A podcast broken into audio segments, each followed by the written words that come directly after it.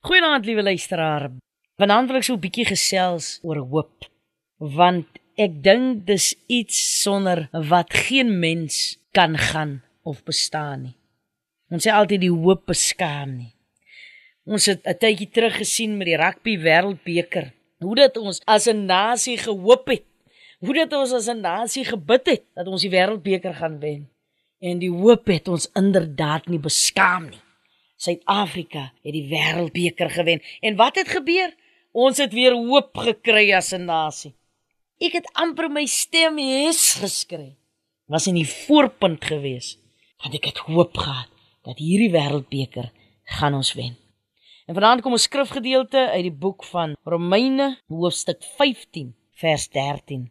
Mag God die bron van hoop julle deur julle geloof met alle vreugde en vrede vervul sodat julle hoop al sterker kan word deur die krag van die Heilige Gees. Mag God die bron van hoop julle deur julle geloof met alle vreugde en vrede vervul. En dit is iets wat ons gesien het hierso in 'n tyd toe ons gewonder het mense wat loop soek ons eintlik in Japan?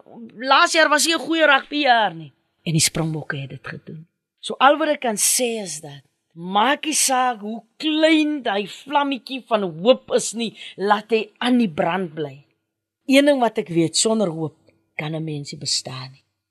En mag die Here daai vlammetjie van hoop in ons vanaand in 'n vuur van hoop verander.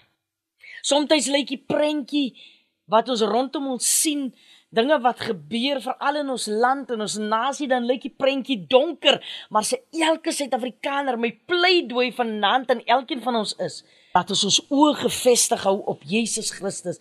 Hy wat die hoop van die lewe is. En binne in ons land het ons manne en vroue van hoop. So laat ons nooit op hoop en glo dat die Here dit kan doen nie. Soos wat ons hierdie wêreldbeker gewen het hoeveel te meer kan ons nie as ons saam staan as 'n nasie. Hoe baie kan ons nie vermag en oorkom nie. Kom ons bid saam. Vader ons kom sê net vanaand vir u baie dankie dat u 'n God is wat hoop gee aan ons in Jesus naam. Amen